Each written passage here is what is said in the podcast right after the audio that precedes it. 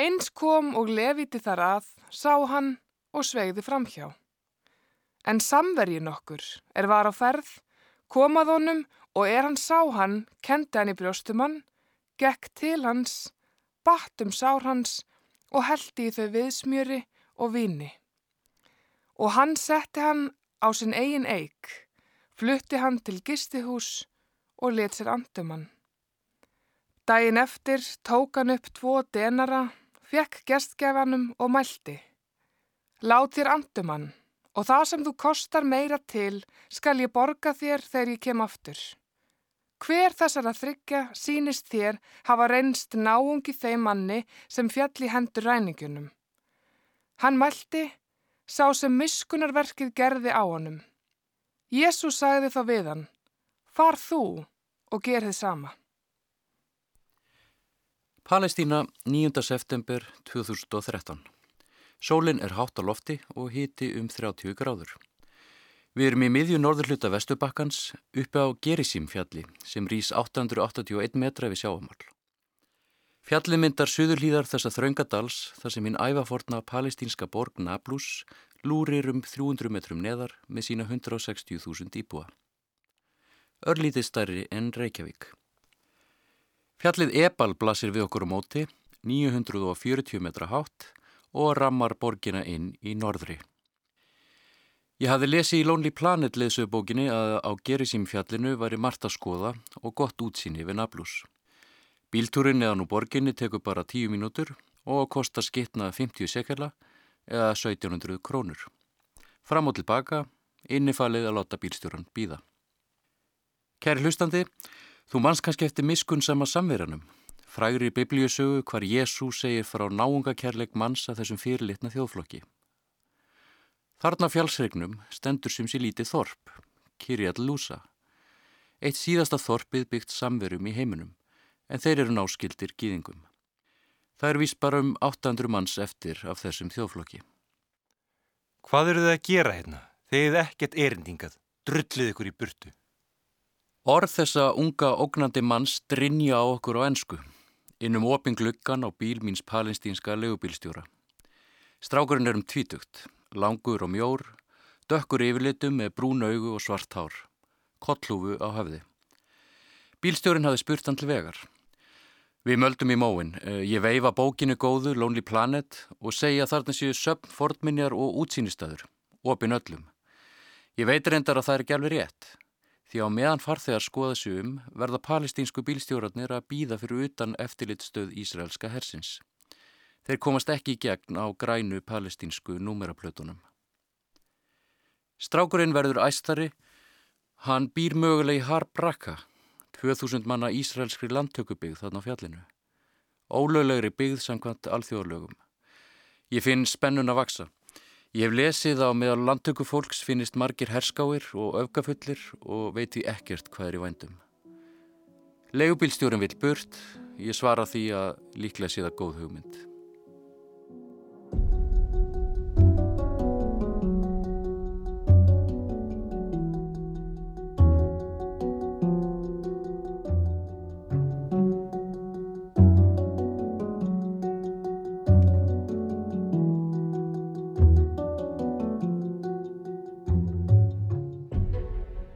Kæri hlustandi, í síðasta þætti blóðudrifinar byggingarlistar kynntust við menningu gýðinga í Evrópu þar sem þeir hafum aldir sætt ofsóknum.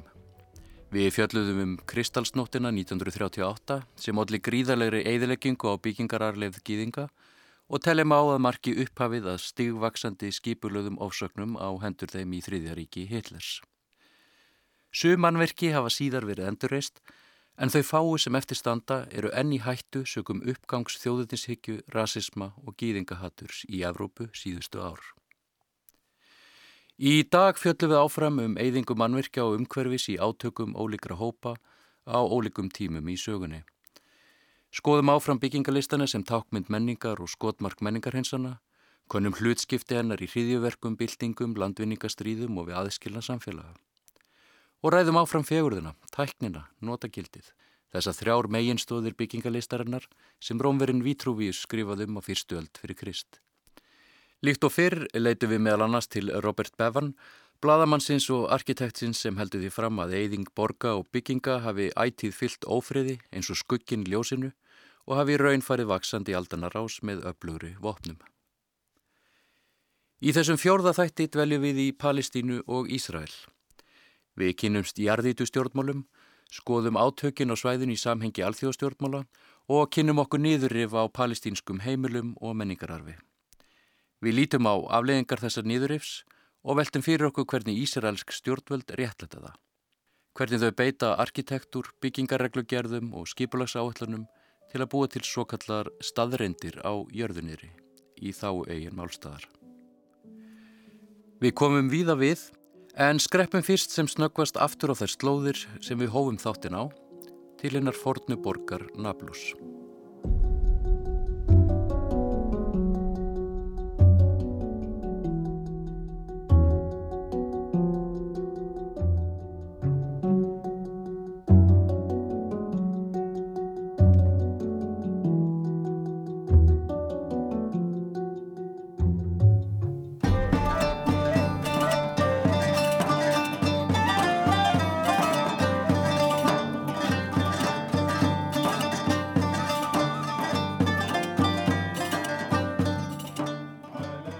Borgin Nablus er um það byrj 50 km norður af Jérúsalem í hæstu fjöllum Palestínu. Sögu hennar má rekja til ársins 72 eftir Krist og þar má finna hunángslitaðar steinbyggingar frá tímum Rómverja, Bísanveldis, Krossfara, Mamlúka og Ottomana.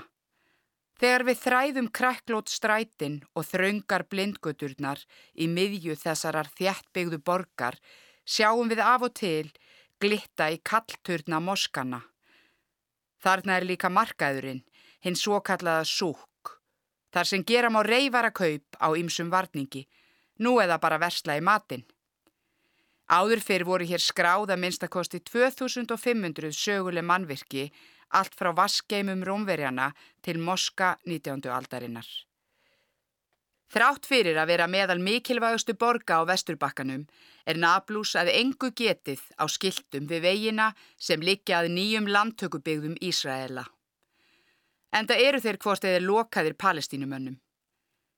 Þessi stað vísa skiltin til hins ævaforna biblíubæjar Sekem en rústir hans eru rétt utan við Nablus. Kæri hlustandi, Magnús Þorkell Bernhardsson er professor í nútímasögu miðausturlanda við Williams College í Massachusetts í Bandaríkunum og einn helsti íslenski sérfræðingurinn í sögu svæðisins.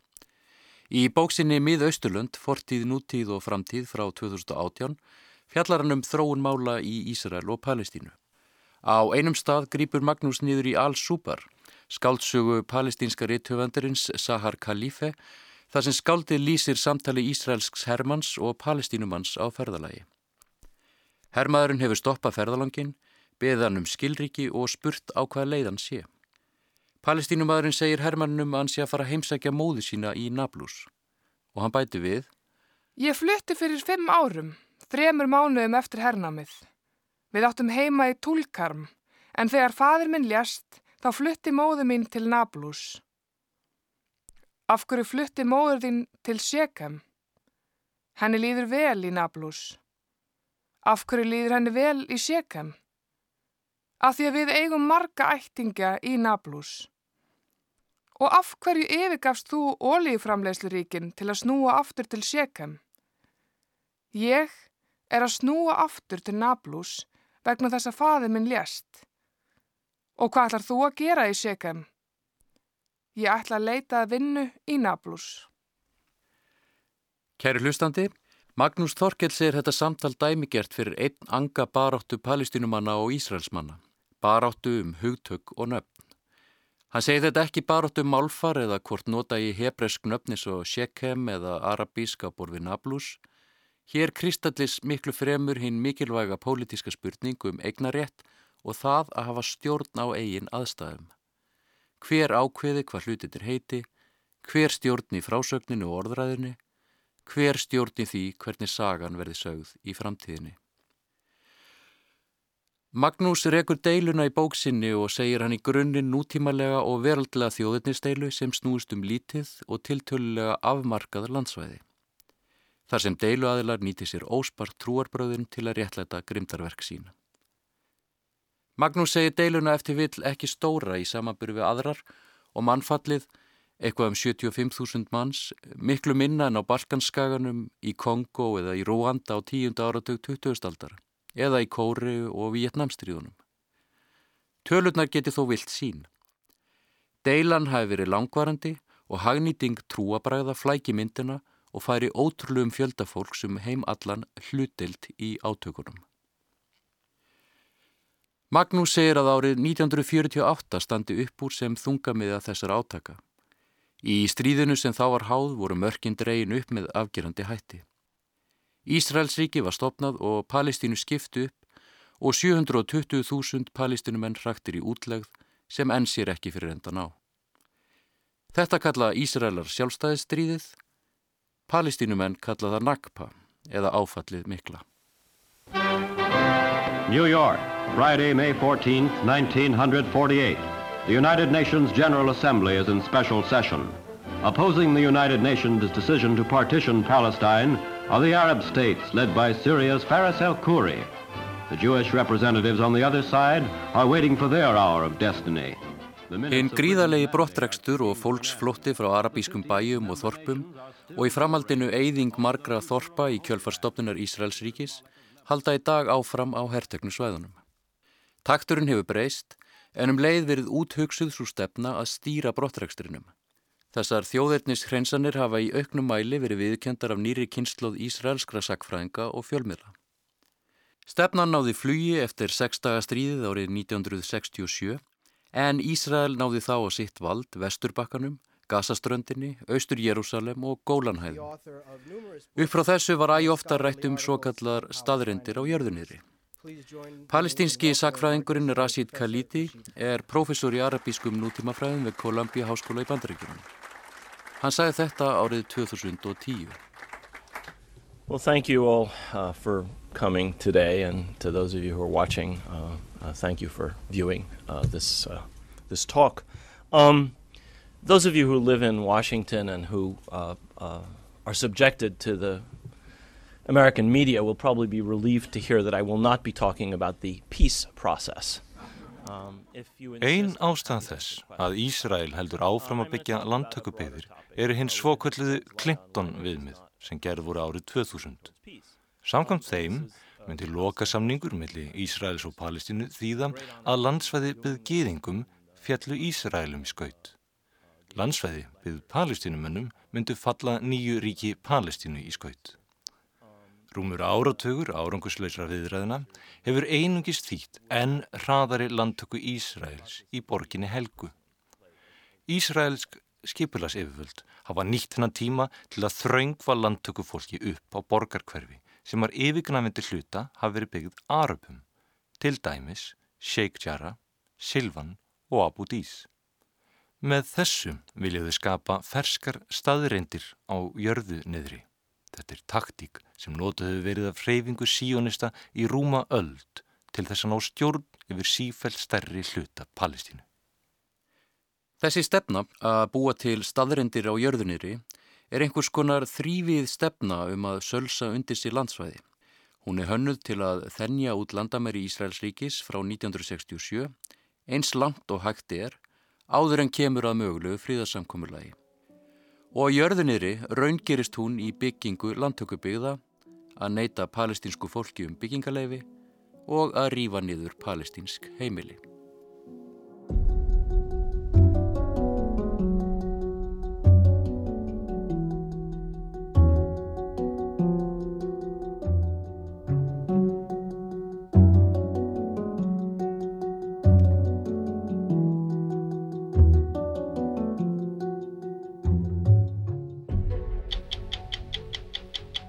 Here in Israel, it has been one of the bloodiest weekends most Israelis have ever lived through, and in some ways, we've lived through it with them. In the midst of this bloody weekend, the Prime Minister, Ariel Sharon, took time out to explain to us why he launched the most massive military crackdown on the Palestinians in 20 years. The situation is so difficult that he went on Israeli television tonight to blame Yasser Arafat for directing and initiating the terror and to assure his people they will be victorious. In his news conference yesterday, President Bush condemned Arafat for the terrorism, but not Ariel Sharon for the retaliation. Kæri hlustandi, kveikjan að annari uppreysn eða intifada palestínumanna var göngutúr hins herskáa Ariel Sharon um musterisæðina í Jérúsalem í september árið 2000. Inn á svæði sem múslimar ráða en sem gýðinga gera einnig tilkall til. Sharon var þáverandi stjórnaranstöðulegtögi úr hinnum þjóðverðni sinnaða hægriflokki Líkút og síðar fórsetisráþara Ísraels. Aðgerðin var talin augrandi tilrönn Sharon til að helga gýðingum svæðið og hvetja augamanni Ísrael til dáða og því sögðu upp úr. Það er engin tilvirun að bæði þessi önnur megin uppreist palestinumanna sem og palestinsku sjálfsmórsveitirnar sem kalla sér Deilda Al-Aqsa píslarvotana eru kendar við eina móskuna á musturisæðinni, Al-Aqsa. Helgustaðnir í landinu helga veki upp heitar tilfinningar fólks og það er varðlað að maður þóra að hugsa þá hugsun til enda hvaða afleggingar nýður yfir á mysturisæðin í Jérúsalem með sínum moskum og grátmúr myndi hafa. Svo mikið er að veði á svæðinu, bæði fyrir þá hópa sem þar búa sem og alþjóðasamfélagið. Meðvitun fólks á svæðinum þessa hættu hefur mögulega komið í veg fyrir stórkurslega eyðingu menningarminja, en byggingararfur er nú engu að síður eyðilaður víða um svæðið. Álit alþjóðasamfélagsins skiptir samt máli og Ísraelsk stjórnvöld hafa fremur vilja takmarka baróttunum við anstæðing sem kennir sér við palestínst þjóðverðni en að valda uppreysnum öll miðausturlönd með því að ráðast á helgastadi múslima. Svipað má í raun segja um palestínsk yfirvöld. Þessi stað, með nokkrum mikilvægum undatekningum á borði innrásir Ísraels hers í Nablus og Hebron, eru það hverstagsheimili sem hafa undafarna áratöyu lendi víglinu stríðs og í því stríði er oft hreinlega barist með byggingarlistinni. Fyrir utan múra gömlu borgarinnar í Jérúsalem eru það verallegir staðir sem verða vettvangur heitra deilna. Þetta eru staðirni sem mest ber á. Í þessu stríði er barist með fram línunum sem dregnar hafa verið upp millir vesturbakka Jórdanár og gasastrandarinnar í Palestínu annarsvegar og Ísraels ríkis hinsvegar. Það var ekki að ósekju að Ariel Sharon fekk viðurnefnið Jarðítan.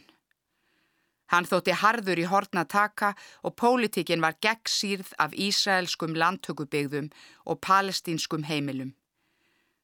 Uppbygging landtökubygða og niðurrif palestínskra heimila. Þetta er kjarnin í þessari líð fræðilegu baráttu um landsvæði milli Ísraelsk landnáms, svo kallas Hittna Halút og palestínsk Sumút, sem þýðir að sína staðfestu gagvart stöðum og landi. Pregnant Palestinian women, Palestinian children, innocent civilians on the other side that have also been killed in these crackdowns. Um, What do you feel about that? I feel uh, very bad about that. Uh, as a soldier for many years, I know that in battles, in wars, sometimes civilians are killed or hurt. And every casualty is a tragedy. But you have to remember one thing. It's not a war that we started. Kæri hlustandi, Það sem Ariel Sharon segir í þessu viðtali við bladakonunar Leslie Stoll í 60 mínútum í mars 2002 er að það sé ekki hægt að kenna Ísraelstjórnum þær blóðsúttellingar sem hafi orðið. Ekki heldur í annari uppreist palestinumanna. Þetta er ekki stríð sem við hófum, segir hann, og Ísraelsk stjórnvöld kenna því um að Yasser Arafat, leiðtói palestinumanna, hafi meðvitað tekið upp ofbeldisfullar baráttu aðferir. Palestinumenn horfaðu þetta öðru í sig á málinn. Burt séð frá þessu þá er það svo að á milli 2000 til 2005 á tímum þessar annarar uppreysnar jógst bæði landtaka Ísraela og eyðing palestínskra heimila, innviða og menningararfs. Borgir eins og Nablus, Hebron, Ramallah og Bethlehem hafa verið stór skemtar. Og talið er að um 1000 Ísraelar og 3200 palestínumenn hafi fallið. Refskákin um yfirráð og eignarhald landsvæða sem og aðskilnað samfélaga heldur áfram að hafa áhrif á allar tilröðinni til að koma á fríði á svæðinu. Stjórnvöldi í Ísrael hafi verið einbætti þegar koma í vegferir að þurfa að láta hendi þau landsvæði sem þau sölsuðu undir sig í 6. stríðinu 1967. Landsvæði eins og Austur Jérúsalem, Gömlu Jérúsalem og hinn þáverandi jordanska vesturbakka Jordanár. Með því að ráðskast með svæðin í gegnum arkitektur og skipulags áallanir hafa Ísraelsk stjórnvöld meðal annars valdið því að henn arabíska Austur Jérúsalem hefur orðið æ einangraðri frá sínu palestínska baklandi. Í þessari sviðsmynd hafa landamærin ímist verið hálf opin eða harðlæst, en alltaf aðlöguð og sveigð að þörfum Ísraelska ríkisins. Aðskillarin er vandlega tryður og þessi áhersla hefur með tímanum gert Ísraelska ríkið algjörlega háð eilífri vöktun og viðhaldi landamærina. Mr. President, my delegation welcomes the participation of civil society organizations in compiling Israel's national report. However, Israel is the only state in the world that can be called an apartheid state. We remain deeply concerned at the denial of the right of self-determination to the Palestinian people, in the absence of which no other human right can be exercised or enjoyed. In this regard, South Africa is of the view that the issue of East Jerusalem and the two-state solution are fundamental to the right to self-determination of the Palestinian people. We respectfully remind Israel that in line with numerous UN resolutions and reports, it is bound by its human rights obligations towards the Palestinian people in the occupied Palestinian territory. I thank you. Við heyrðum hér Dr. Clinton Swemmer, sendi herra Suður Afríku, tala í mannrettindaráði saminuði þjóðana 23. janúar 2018 við reglulega yfirferð á stöðumarréttinda í Ísrael. Hann gaggrinir Ísraels ríki fyrir mannréttindabrót, krefst þess meðal annars að ríkið hætti ólöglegri landtöku og hvetur til tveggjaríkja lausnarinnar. Þá kallar hann ríkið eina ríki veraldar sem ástundi aðskilnaðarstefnu. Gaggrinendur segja niðurrif á húsegnum palestinumanna á samt landtökubyggðum og aðleikjandi vegum, eftirleitt stöðum, dvalarleifum og aðskilnaðamúrum vera leið stjórnvalda til þess að hámarka útþenslu þeirra landsvæða sem þau segja tilheyra ríkinu. Um leið séu þessar aðferri gerðar til þess að tryggja að mögulegt ríki Palestínu verði ekki raunverulega sjálfstætt og líkist fremur heimalöndunum í Súður Afríku á tímum aðskilnaðastefnunar. Algerlega háð Ísraels ríki um allt frá atvinnu til drikjarvats. Kæri hlustandi, Palestína hefur ekki stjórn yfir auðlindum og innviðum og palestínumenn njóta ekki ferðafrelsis.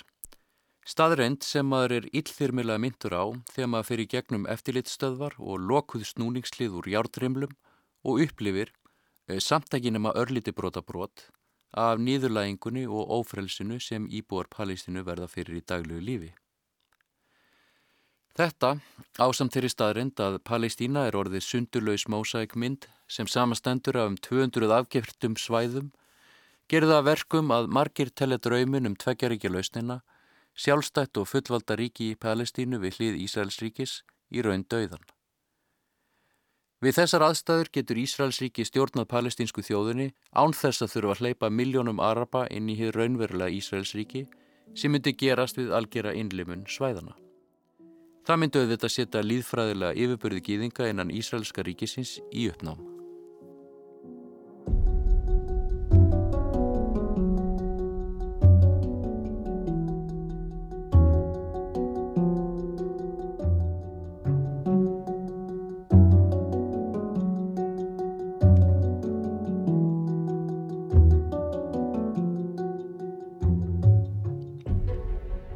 Ísraelsíki notar þrenskona réttlætingu fyrir nýður yfir palestínskra mannvirkja.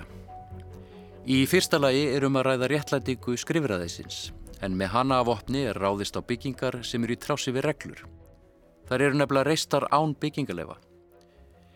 Í öðru lagi er um að ræða nýður yfir í refsingaskinni, en þá eru þau heimili lögði rúst þar sem einhver fjölskyldumæðlum að hefur framið eða er grunaður um að hafa framið hriðuverk. Í þriðjalagi er niður yfir réttlætt í nafni hernaðlegrar nöðsinir. Til að útbúa öryggisvæði með fram landamærum, í kringum byggðir landtökufólks eða með fram vegum sem liggja að þessum byggðum. Áður fyrr vildu Ísraelsk stjórnvöld ógjarnan viðkenna að niðurif hersins væri hendaraðgerir vegna árása palestinumanna á Ísraela. Aðgerirnar eru oft dulbúnar og sagðar hluti af nöðsynlum örgisráðstöðunum. En á síður árum hafa þó verið gerað tilraunir til að verja þessa stefnu blátt áfram á opinberum vettvangi. Hið skrifræðislega eða stjórnsýslulega niðurif er stutt öðrum lagaúræðum en þeim sem herin notar. Það nú samt sem áður herin sem oftast er látin um framkvæmdina. Auk þess að hefna fyrir árásir eða meintar árásir er kvatin að niðurrifinu fólkin í því að takmarka eins og hægt er útþenslu palestínskra svæða og um leið gera landtökufólki gýðinga kleift að stækka byði sínar með örugum hætti. Niðurrifið fer helst fram í henni innleimiðu austur Jérúsalem, á Gazaströndinni og henni svo kalla svæði sé á Vestubakkanum. Til samans tellir þessi svæði meir en 70% palestínskra svæða og þarna hafa Ísraelsk stjórnvöld í raun ráðir lögum og lofum þrátt fyrir stoptun palestínskra stjórnvölda. Skipulagsvald Ísraels ríkis nær því langt út fyrir landamærin frá 1967. The Palestinian family repeatedly tried and failed to get a permit from the Israeli government to expand their home in occupied East Jerusalem. Human Rights Watch says it's a system that discriminates against Palestinians and is part of an Israeli policy to maintain a Jewish majority in the holy city. Hér á þessum svæðum, sem tilheyra þó istu mörgum Palestínu, reynist palestínskum íbúum einhvað síður ómögulegt að útvega sér fullgild byggingarlefi. Þeir neyðast því til að byggja ólöglega. Og til að viðhalda þessu ástandi nota Ísraelsk stjórnvöld blöndu eigin skipulagslaga en einnig frá tímum er Jordania og Breitland voru ráðandi öll á svæðinu. Þetta er í raun borgarlegt kerfi en er notað til að knýja fram hernaðileg markmið. Megin skipulagstofnanir á Vestubakkanum eru hýstar í byggingum hersins þar sem palestínumönnum er ekki veittur aðgangur. Hvað þá að þeir fá að leggja fram beðnir um framkvæmdir sem er hvortið er nær alltaf hafnað. Á öðrum stöðum getur herin alltaf beitt neitunarvaldi, jafnvel þótt byggingarleifi séu veitt af borgarlegum yfirvöldum. Og það eru fleiri hindranir í veginum. Skráning lands hefur verið frist í áratugi, sem þýðir að palestinumenn geta ekki sannað eignarhald sitt á byggingalóðum og umsóknum hafnað á þeim forsendum. Að auki hafa Ísraelsk stjórnvöld líst mikinn hluta landsvæðsinn sem ríkisjarðir og leifa engar palestinskar byggingafrankvandir á þeim.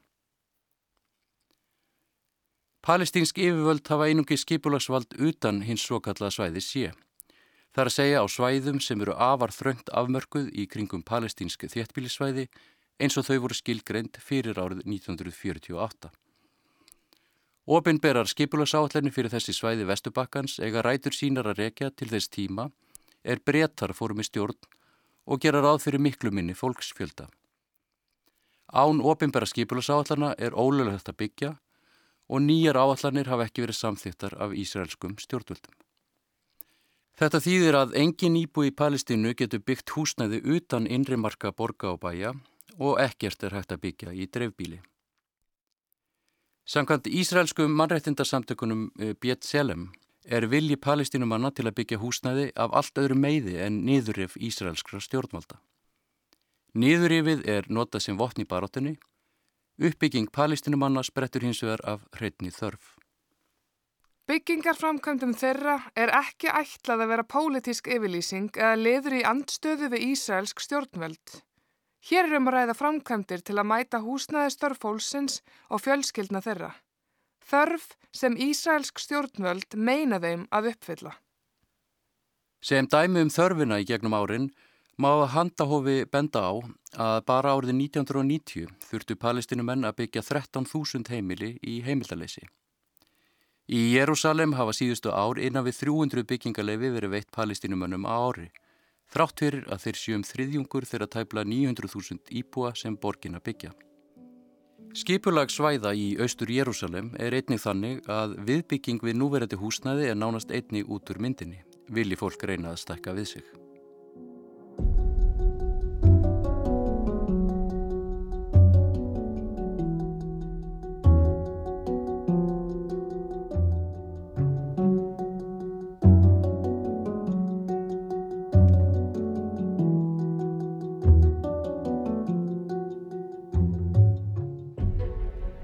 Kæri hlustandi, við palestinski legubílstjórin sluppum ómeittir nýður að Gerisímfjalli eftir að hafa lendi í unga manninu sem ég lísti í upphafi og til hafa komið úr landtökubiðinni Har Brakka. Ég kvatti bílstjóran og ráfaði kortlausum öngstræti Nablus, fór í gamalt tyrtnest bathús og gúfaði í mig nablúska sætabröðinu Konefa Nabulsje. Svo hitti ég ungan kennara. Á markarum hvar hann sæðist oft hitta ferðalanga til að æfa ennskuna og nota sinn glugga út í umheiminn. Hann hefði áhuga á veröldinni en kvorki vegabref nýja ferðafrelsi. Hann bjóð með mömmu sinni steinsnar frá markanum og hún bauð okkur dísætt kaffi og smákökur. Ég kvittaði fyrir með nafni og þjóðurni á veggin við gardirnar og rak augun í nöfn fjöldaferðalanga af ímsum þjóðurnum. Áðurum við kvöttumst síndi hann með ringleikahúsið frá tífum rómverska keisarans Vespasian sem let reysa borgina sem Neapolis árið 72 eftir Krist. Leikhúsið var vanrægt og lág greinlaundi skemmtum. Sorgarsaga, ekki síst í ljósi þess að árið 2002 réðist Ísraelski herin inn í Nablus og allir þar mestu eðileggingu á byggingararfinum frá því að ríkið var stopnað. Þá var meðal annars hinn 1600 ára gamla fyrrum Bísankirkja og síðar moska, Al-Katra, nærjöfnu við jörðu. Vissulega hefur menningararfu gýðinga líka verið eðurlaður af palestínumönnum, til dæmis grafísi Jósefs. En umfang eðileggingar Ísraels er bara svo miklu, miklu meira. It's a one-sided battle of man versus machine. This is Nablus on the West Bank. a scene that's become all too familiar in the Israeli-Palestinian conflict. Palestinian youths confronting one of the Israeli army's hated bulldozers. Kæri hlustandi, í nýri skýrslu Amnesty International kemur fram að um 300 miljónir palestinumanna búi á Vesturbakkanum. Á meðal þeirra búa 600.000 ísraelskir landtökumenn, í Harbaraka og um 250 öðrum landtökubyggðum. Af þessum 600.000 búa um 200.000 í henni herrtegnu austur Jérúsalem. Landtökubiðurnar hafa verið fordæmdar og sagðar ólöglegar af flestum ríkjum og alþjóðastofnunum sem og í mörgum álíktunum örgisráðs saminuð þjóðana. Síðast í desember 2016. Engvað síður heldur Ísraelsíki áfram að hunsa alþjóðlög og byggir áfram þúsundir ólöglegra íbúða. Ríkið rekur áfram á brott palestinska borgara tekur land þeirra og náttúröðlindir, rýfur heimilegðara, egnir og innviði og hamlar frjálsri för. Afleðingar þessa á rétt palístinumanna til lífskeiða, til vinnu, húsnæðis, heilsu og mentunar eru gríðarlegar og efnægslegt tjón mikið. Evrópusambandið hefur sett landtökubyggðir hindrun í vegi fríðar og þær hamli tveggjar ekki að laust. Þetta sjónamið heyrist víðar og margir hveða enn fastar orði. Þeir á meðal profesor Magnús Torkell Bernhardsson sem við vísum til fyrir þættinum. Hann hefur kallað tveggjaríka lausnin að tálsín sem höfum máski verið dálit af. Ísraelar séu kvorki að hætta við hernámið nýja að gefa eftir landsvæði. Þvert á móti séu yfir á þeirra að verða alger og það blasi við á kortum af þróun svæðisins. Israeli soldiers call it Dubi or teddy bear, but there's nothing cuddly about these specially modified bulldozers. At 64 tons, it's a machine of awesome, destructive power. The iron fist of the Israeli army. Samkvæmt tölum frá Otsja, samræmingaskrifstofu saminuði þjóðana í mannúðamálum, hefur Ísraelsríki á árabilinu 1967 til 2019 láti rýfa um 50.000 palestínsk mannvirki á herrteknusveðanum. Bara á síðustu tíu árum hafa 5.990 mannvirki verið rýfin þaraf 1721 íbúðabygging í búsetu. 9.346 manns hafi verið hrakin á flotta og aðgerðnar haft áhrif á um 80.000 manns. Margir íbúina óttast fátt meira en drunurnar í brinnvörðu Caterpillar D9 jarðitum Ísraelska hersins. Þær hefa orðið svo tákranar fyrir nýðurifstefnuna að gaggrínendur segja að þær ættu að vera skjaldarmerki í þjóðfána ríkisins og miða við fréttir af úrskurði dómstóla nú í april um niður ef heimila 500 fjölskyldna í Jérúsalem virast nægverkefni framöndan.